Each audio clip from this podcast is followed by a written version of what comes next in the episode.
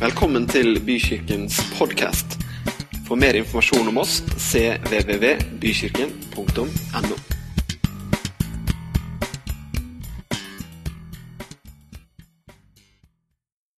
Da begynner vi, og da skal jeg lese fra eh, Johannes. Og da skal vi lese fra Johannes 5, eh, også et ganske langt eh, stykke. Eh, 1 til 15. Eh, og det er en historie som helt sikkert mange av dere kjenner fra før. Hvis dere har eh, rusla litt i kirkene og lest i denne boka, så har dere helt sikkert hørt om han, kanskje på søndagsskolen eller sånt, men vi drar igjennom. Eh, den syke ved Bedesta. Etter dette var det en av jødenes høytider, og Jesus dro opp til Jerusalem. Ved saueporten i Jerusalem eh, ligger det en dam som på hebraisk heter Betesta. Den er omgitt av fem bueganger, og der lå det en mengde syke, blinde, lamme og vannføre. De ventet på at vannet skulle bli rørt opp, for at den Herrens engel eh, steg fra tid til annen ned i dammen og rørte ved vannet. Den første som steg ned i dammen etter at vannet blitt rørt opp, ble frisk, hvilken sykdom han enn eh, led av. Det var en mann der som hadde vært syk i 38 år. Jesus så ham ligge der og ham, eh, visste at han hadde vært syk lenge. Han sa til ham, 'Vil du bli frisk?' Den syke svarte, 'Herre, jeg har ingen som kan hjelpe meg ned til dammen når vannet er rørt opp.' Og når jeg så kommer, er det alltid en annen som går uti før meg. Da sier Jesus til ham, stå opp, ta båren din og gå. Og straks ble mannen frisk. Han tok båren og gikk. Men det var sabbat den dagen, og jødene som eh, sa til ham som var blitt helbredet, det er sabbat, du har ikke lov til å bære båren. Han svarte, men han som gjorde meg frisk, sa, ta båren din og gå. Hvem er denne mannen som sa at du skulle ta, eh, ta den og gå, spurte de. Han som var blitt frisk, visste ikke hvem han var, for Jesus hadde trukket seg unna. Fordi det var så mange, mye folk der. Senere traff Jesus mannen på tempelplassen og sa til ham, 'Nå er du blitt frisk. Synd ikke mer, for at ikke noe verre skal ende deg.' Mannen gikk, og han fortalte jødene at det var Jesus som hadde gjort ham frisk. Og så skal vi lese én ting til, og det er Matteus eh, kapittel 11. Eh, vers 28 til 30. Den kommer i litt flere versjoner her etter hvert. skal dere få med det. Det er helt sikkert også et kjent eh, vers for mange av dere. Der står det Kom til meg, alle dere som strever og bærer tunge byrder, så vil jeg gi dere hvile. Ta mitt åk på dere og lær av meg, for jeg er en tålsom og ydmyk av hjerte, og dere skal finne hvile for deres sjeler. For mitt åk er godt, og min byrde er lett. Den, eh, det siste verset her eh, står veldig bra i en eh, parafraseoversettelse som heter The Message. Eh, jeg har tatt meg den, eh, altså Det er en parafrase, og så har jeg oversatt parafrasen til norsk. Så, men jeg syns den gir noe dybde til det siste. Jeg leser den. Den kommer bare fra min munn, så den står ikke bak her. Er du sliten og utbrent av religionens krav, kom til meg.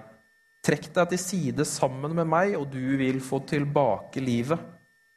Jeg skal vise deg hvordan du virkelig kan hvile. Gå sammen med meg, jobb med meg. Se hvordan jeg gjør det. Lær deg det upåtvungne rytmen av nåde. Jeg vil ikke legge noe tungt på deg eller noe som ikke passer deg.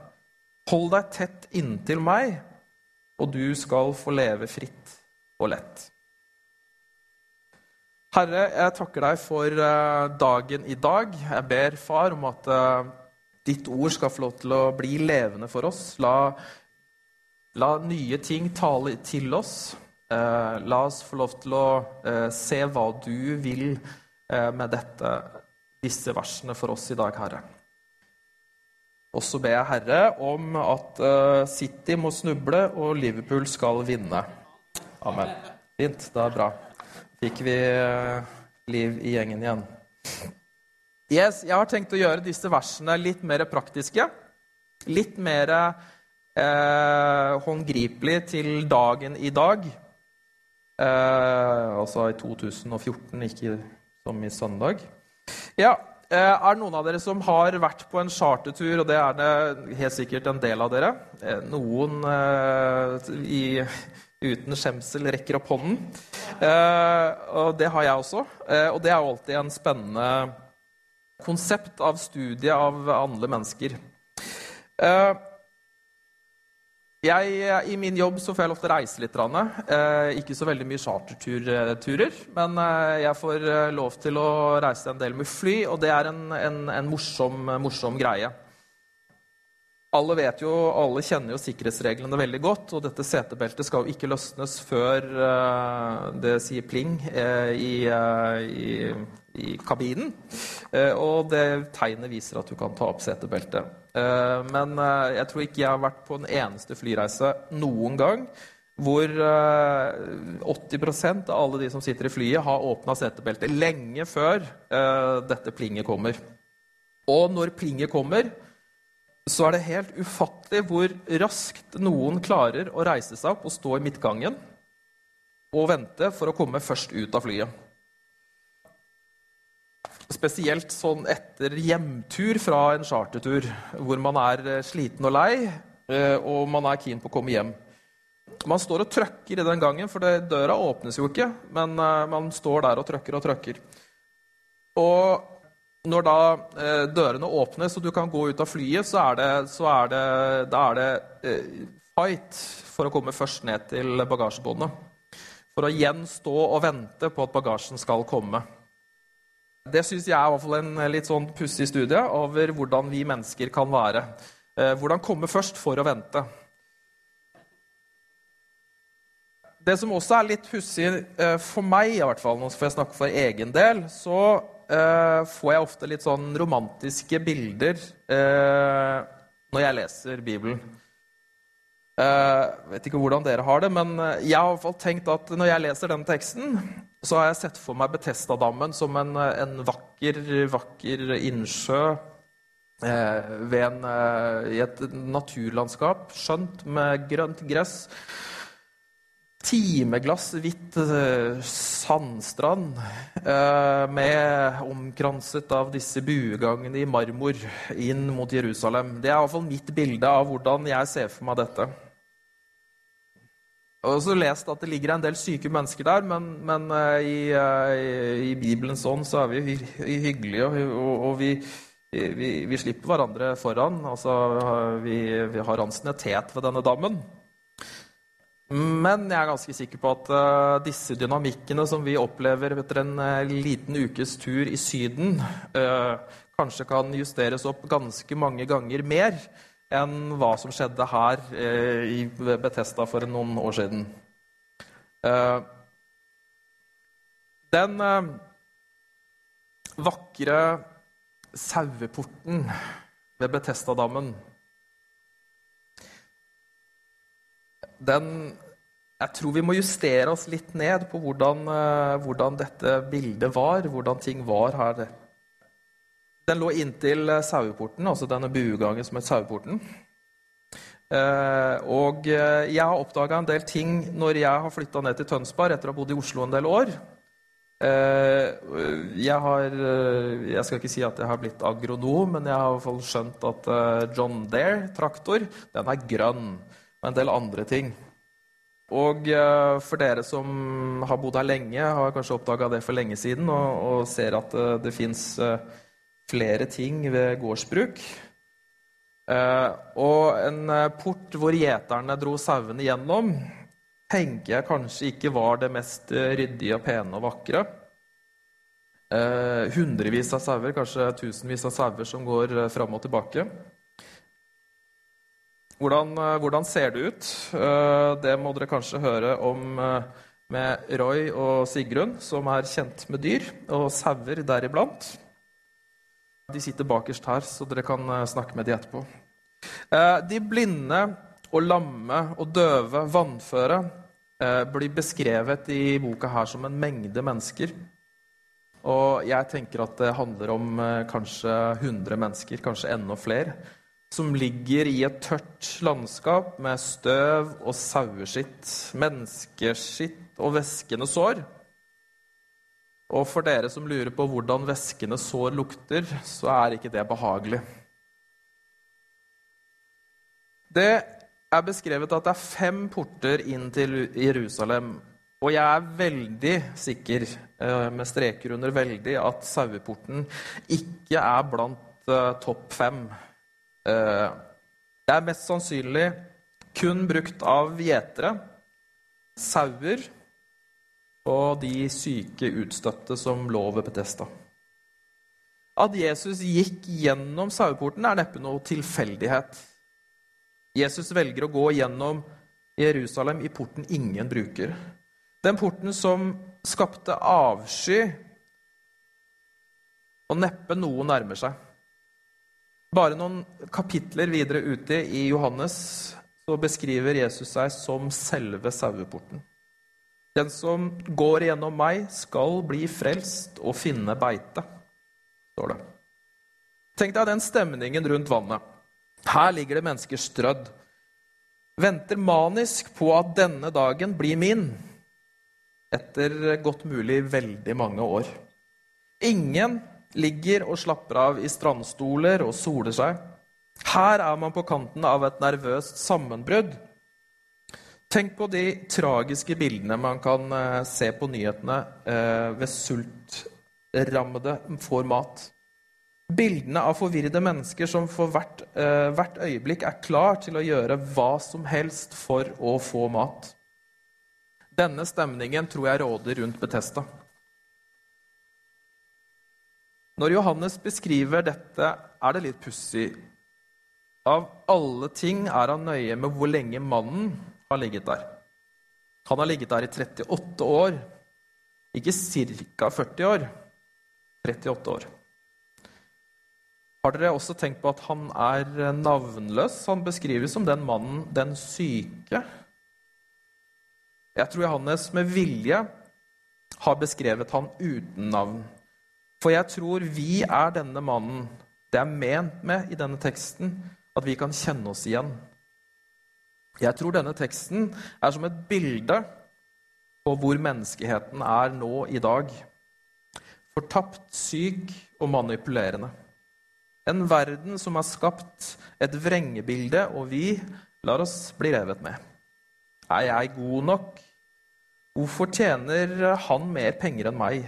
Hvorfor ble ikke jeg invitert på grillfesten? Jeg tror ikke jeg ville komme heller. Eh, jeg er ikke som alle andre der. Jeg som alenemor passer ikke inn. Jeg som singel jeg har aldri hatt en kjæreste. Jeg blir som hår i suppa sammen med alle parene. Vet du hvor eh, syk jeg er i sinnet mitt? All den møkka jeg ser alene om kveldene. Når ingen ser det, nå drikker jeg smug for å få hverdagen til å funke. Ekteskapet, som utenfra ser eh, fint ut, er som et sprukkent kar, og som revner når som helst. Denne frustrerte, opprivende følelsen av å være på feil sted, ikke være der man skal være, ikke leve det livet man har dypt inne kjenner at man skal leve. Mye av denne frustrasjonen tror jeg utspant seg ved Betesta. Denne mannen som ikke hadde vært der en liten stund, han hadde vært der i 38 år. Hvor mange ganger har jeg ikke prøvd å være den første ved vannet? Hvor mange ganger tror du ikke at denne mannen var så nære, men ikke først? På 38 år må det ha vært en god del slike opplevelser. Han forteller det også til Jesus. Hvor mange ganger har ikke du prøvd å ta deg sammen? Å bli en bedre ektemann, en pappa, en arbeidskollega? Hm.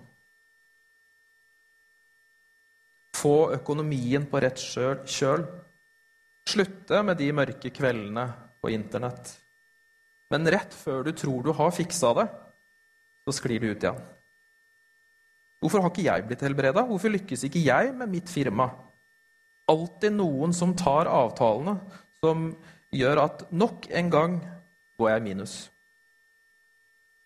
Du er på kanten av konkurs. mens andre lykkes. Høres det kjent ut? Høres det ut som hverdagen til mange? Du har vært ved sjøkanten til ditt Betesta, men ikke lykkes. Du har vært den frustrerte mannen som ikke lykkes med å komme først i vannet. År etter år har du vært, vært der, men noen kommer før deg. Noen som får businessavtalen, får kjæresten, får ekteskapet, får venner, får helbredelse. Men du står igjen uten resultater. To tomme hender. Du har begynt å tro at livet er gitt til dem som er mest manipulerende. Vellykkede og perfekte.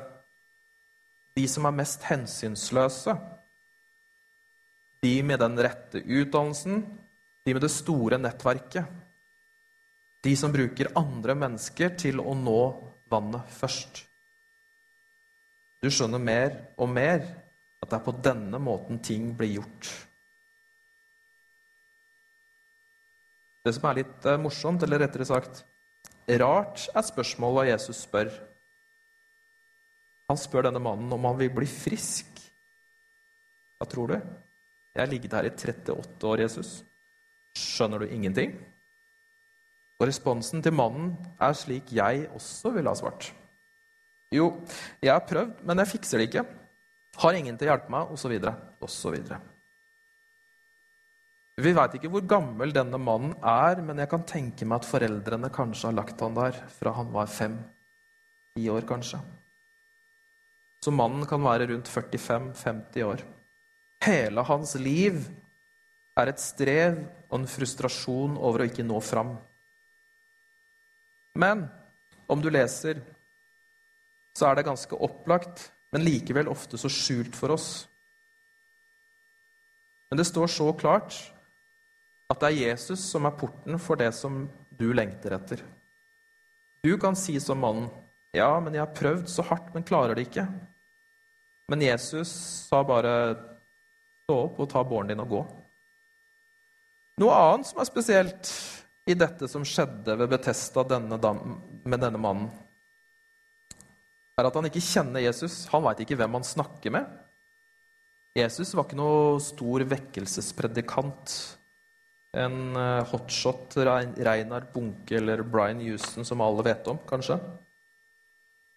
Jesus var for han en helt vanlig mann.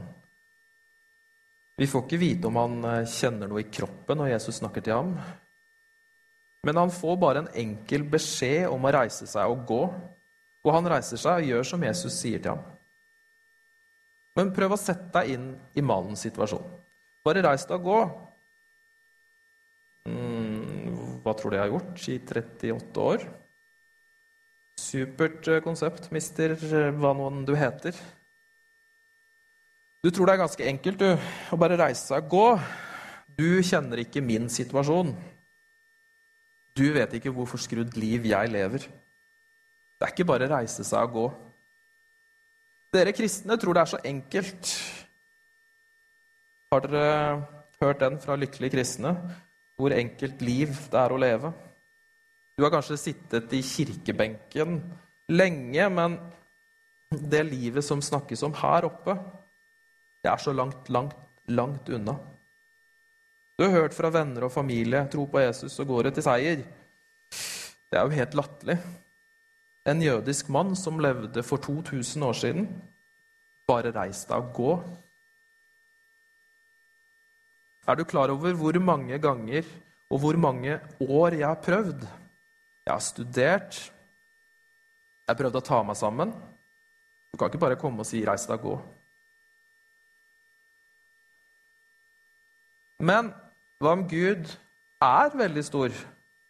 Så mye større enn du kan fatte. En så stor Gud som også er så nær, så omsorgsfull og lyttende så nær tilstedeværende. En Gud som satte stjerner på himmelen, skilte vann og hav, skapte alt levende på jorda, vet hvor mange hårstrå du har på ditt hode. Når Jesus snakker, snakket med mannen som var midt i frustrasjonen, så snakket han rett inn i mannens liv. Han reiste seg opp. Jesus er så ufattelig større enn dine uovervinnelige fjell av problemer. Og nå gjør mannen noe som han har drømt om hele sitt liv. Og det hendte i løpet av et sekund der og da, etter en invitasjon sammen med Jesus. Han står på egne ben, noe han aldri har gjort før. Det som er enda litt mer forundrende, er hvordan de andre jødene reagerte. De som kanskje kjente litt til mannen. De som aldri stilte opp for han når han lå der syk. De som ikke ville vedkjenne seg når han lå der. Blant venner eller familie. De henger seg opp i reglene. Det er sabbat. Du skal ikke bære sengen din. Ikke en av de jublet over at mannen var blitt frisk, fått et nytt liv, kunne gå hvor han enn ville, slippe Betesta. Han passet ikke inn i normene. Han gjorde noe som ikke var riktig. Det var det som fikk fariseernes oppmerksomhet. Er du sliten og utbrent av religionens krav, kom til meg. Trekk deg til side med meg, og du vil få livet tilbake. Jeg skal vise deg hvordan du virkelig kan få hvile. Gå sammen med meg og jobb med meg. Se hvordan jeg gjør det.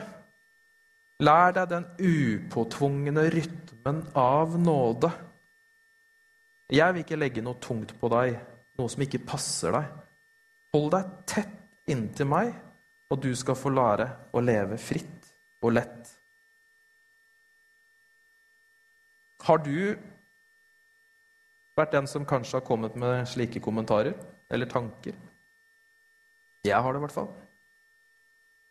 Bare for at ikke alt er på plass utvendig, så klarer jeg ikke å glede meg sammen med dem som har fått et nytt liv.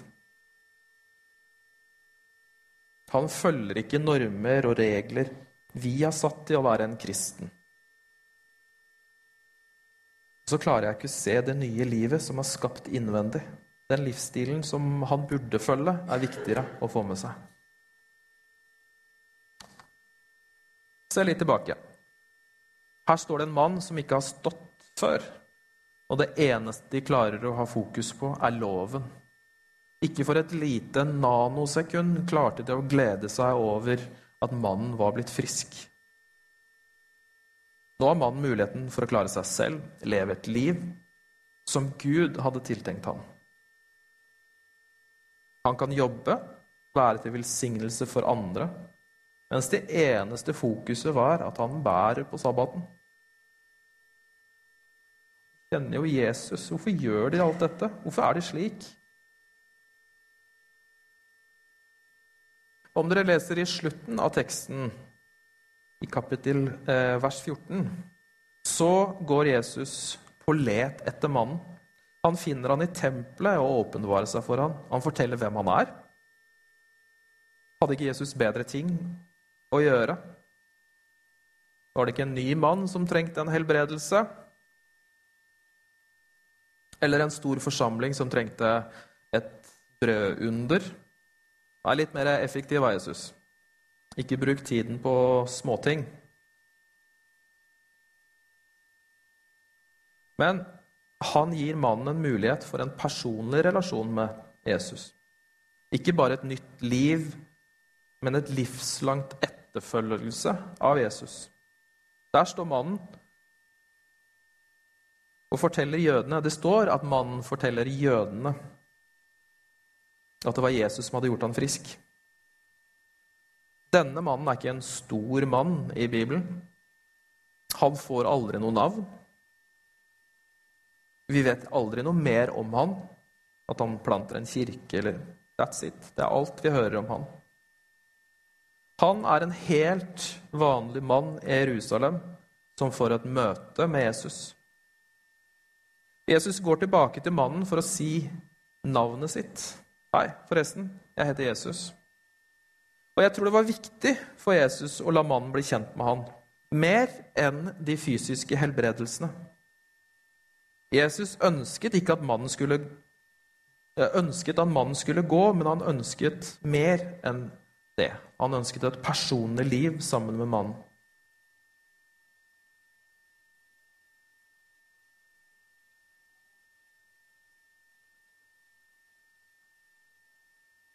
Det handler ikke bare om å gå, men å leve et liv med Jesus.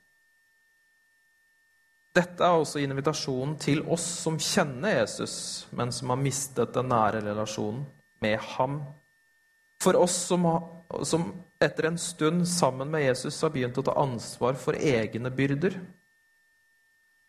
Ta oss sammen og rette opp småfeil. Før vi på nytt begynner å komme inn i de nye relasjonene, eller tette relasjoner. Vi, vi, vi, begynner å ville måtte vaske oss litt, bli litt mer presentable før vi kommer framfor Han. Legg fra deg alt og se på deg selv som den Gud har skapt deg til. Se, alt er nytt, ikke bare en liten justering. Du er en ny skapning i Han. Klyng deg til ham på nytt La han få fikse livet ditt. Ikke prøv å leve det selv. Jeg vil at uh, alle skal reise seg opp, og så kan bandet komme. Jeg tror at det fins i et rom som dette noen som ønsker å ta imot Jesus. Ikke fordi jeg kjenner alle, men fordi i et rom som dette, med så mange mennesker, alltid fins noen som trenger å ta en sånn beslutning. Eller på nytt komme tilbake til den nære relasjonen til Jesus. Den første kjærligheten som du en gang hadde, men som du hadde mistet nå. Det Jesus gjorde når han døde på korset, gjorde han for oss alle. Ingen faller utenfor. Våre synder og feiltrinn skiller oss egentlig fra kontakten med den perfekte Gud.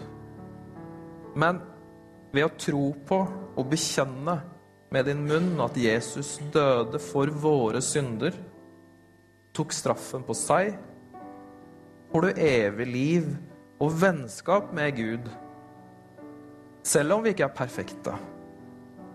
Det Jesus gjorde da han døde og sto opp, holder for alle.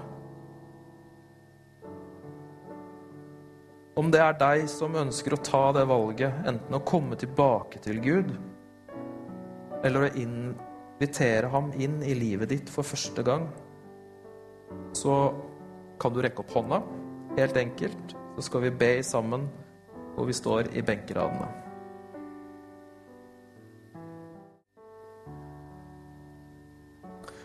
Jeg takker deg, Herre, for det liv du har skapt i oss. At vi kan igjen og igjen komme tilbake til deg. Og at du skal få lov til å fikse livene våre.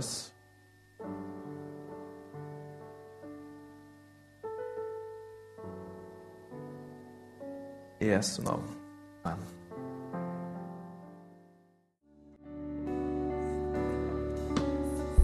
Jeg tenker på en ting når jeg hører denne utrolige historien som Frank har delt så bra med oss i dag. Den er så spot on i våre liv at vi aner det ikke. Kan du tenke deg de største problemer som fins, de mest alvorlige sykdommer som finnes. Altså, mannen er jo fanga totalt. Og når Jesus henvender seg til ham, så har han en eller annen forklaring. Han har en eller annen sånn greie. Ja, nei, du skjønner at jeg har ingen eller, eller. Men spørsmålet Jesus stiller, er Vil du bli frisk? That's the core of the case. Vil du bli frisk? For Jesus han er så overbevist, vet så inderlig vel at uansett hva det er i et menneskes liv, så er jeg større.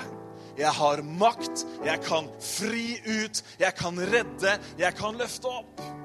Han kommer med hele unnskyldningsrekka si, for å si det sånn. Og kanskje ikke vi har så lett for å kjenne oss igjen i Betesta-dam. Jeg sliter liksom å finne meg helt sjøl der. Men hvis jeg tenker på ting som jeg kan slite med, ting som jeg kan stå fast i, så er Jesus ikke så veldig interessert i å høre om alle de tingene og hvor mange år osv. Spørsmålet er bare vil du bli frisk? Eller for å si det på en annen måte vil du ut av det? Jeg har nemlig noe bedre for deg. Vet du hva, Jesus han har noe bedre for hver eneste en av oss. Han har det maksimale livet. Det er det Jesus har. Ikke det problemfrie, ikke det som er uten utfordringer, men han har det maksimale livet. For denne mannen så dreide det seg selvfølgelig om å bli frisk. For deg så dreier det seg om noe annet. Spørsmålet er om du vil. Det er rett på sak. Skal vi surre litt rundt til, eller skal vi holde på med noe et år til, eller hva det er? Hva vil du med Gud? Hva vil du med Jesus? Skal vi ta ham på ordet? Skal vi ta båren vår, for å bruke den historien, reise oss og gå? Eller skal vi surre rundt i historien vår blanda med religion? Det er ikke lov til å bære bårer på sabbaten. Jesus han er bare rett gjennom alt det greiene der. Vil du bli frisk? Mannen blir frisk. Fantastisk. Litt av en utfordring vi har fått i dag. Dere, skal vi ikke be sammen? Skal vi gjøre det? Du kan gjerne be for den som sitter eller står ved siden av deg. Det går an. Vi er ikke så fremmede og så stive at ikke vi kan snu oss litt rundt. Hvis noen ønsker spesielt at vi skal be for dem, så kan du komme, så skal vi gjøre det. Lederteamet her, mange her, så skal vi be. Noen som vil komme, så kan du gjøre det. Vi bare Vet du, Dette er ikke forsøk på å gjøre en gudstjeneste lenger. Men det bare traff meg så, altså. Uff. Møter så mange mennesker som de har Altså, De kan snakke i timevis om det ene og det andre. Og du kommer nesten ikke til orde, liksom. Jeg skulle gjerne ha hjerpa deg. Skal jeg, skal jeg gjøre det? Det er Jesus i dag. Hvis du vil komme, så kan du komme. Hvis du vil gå til noen og be med noen, så kan du gjøre det. Men vi søker Gud sammen. Vi er her fordi at vi vet at Jesus lever. Vi er her fordi at eh, vi vet at Gud sitter på tronen. Og vi, vet, vi er her fordi at vi vet at i dag så har han all makt. Jeg sa all makt. 38 år, stinkende sår, hva det måtte være. Han er den som løfter deg opp og ut og fram. Det er derfor vi er glade, det er derfor vi er frimodige. For Jesus, han er helt fantastisk. Takk, Jesus, for at du stiller det spørsmålet til oss i dag om vi vil bli friske. Eller om vi vil bli frie, hvis det er det vi trenger. Eller om vi vil bli løftet opp. I dag så gjør det det, Jesus. Fordi at du vil at vi skal få oppleve akkurat det samme som denne mannen fikk oppleve. Nemlig at problemene forsvant, sykdommen ble borte, tankene ble nye. Takk, Herre, for fornyede sinn, Herre. Takk for nye tanker som er dine tanker for oss. Halleluja. Takk, Jesus. Takk skal du ha, far. La oss bare være i bønn litt. Grann.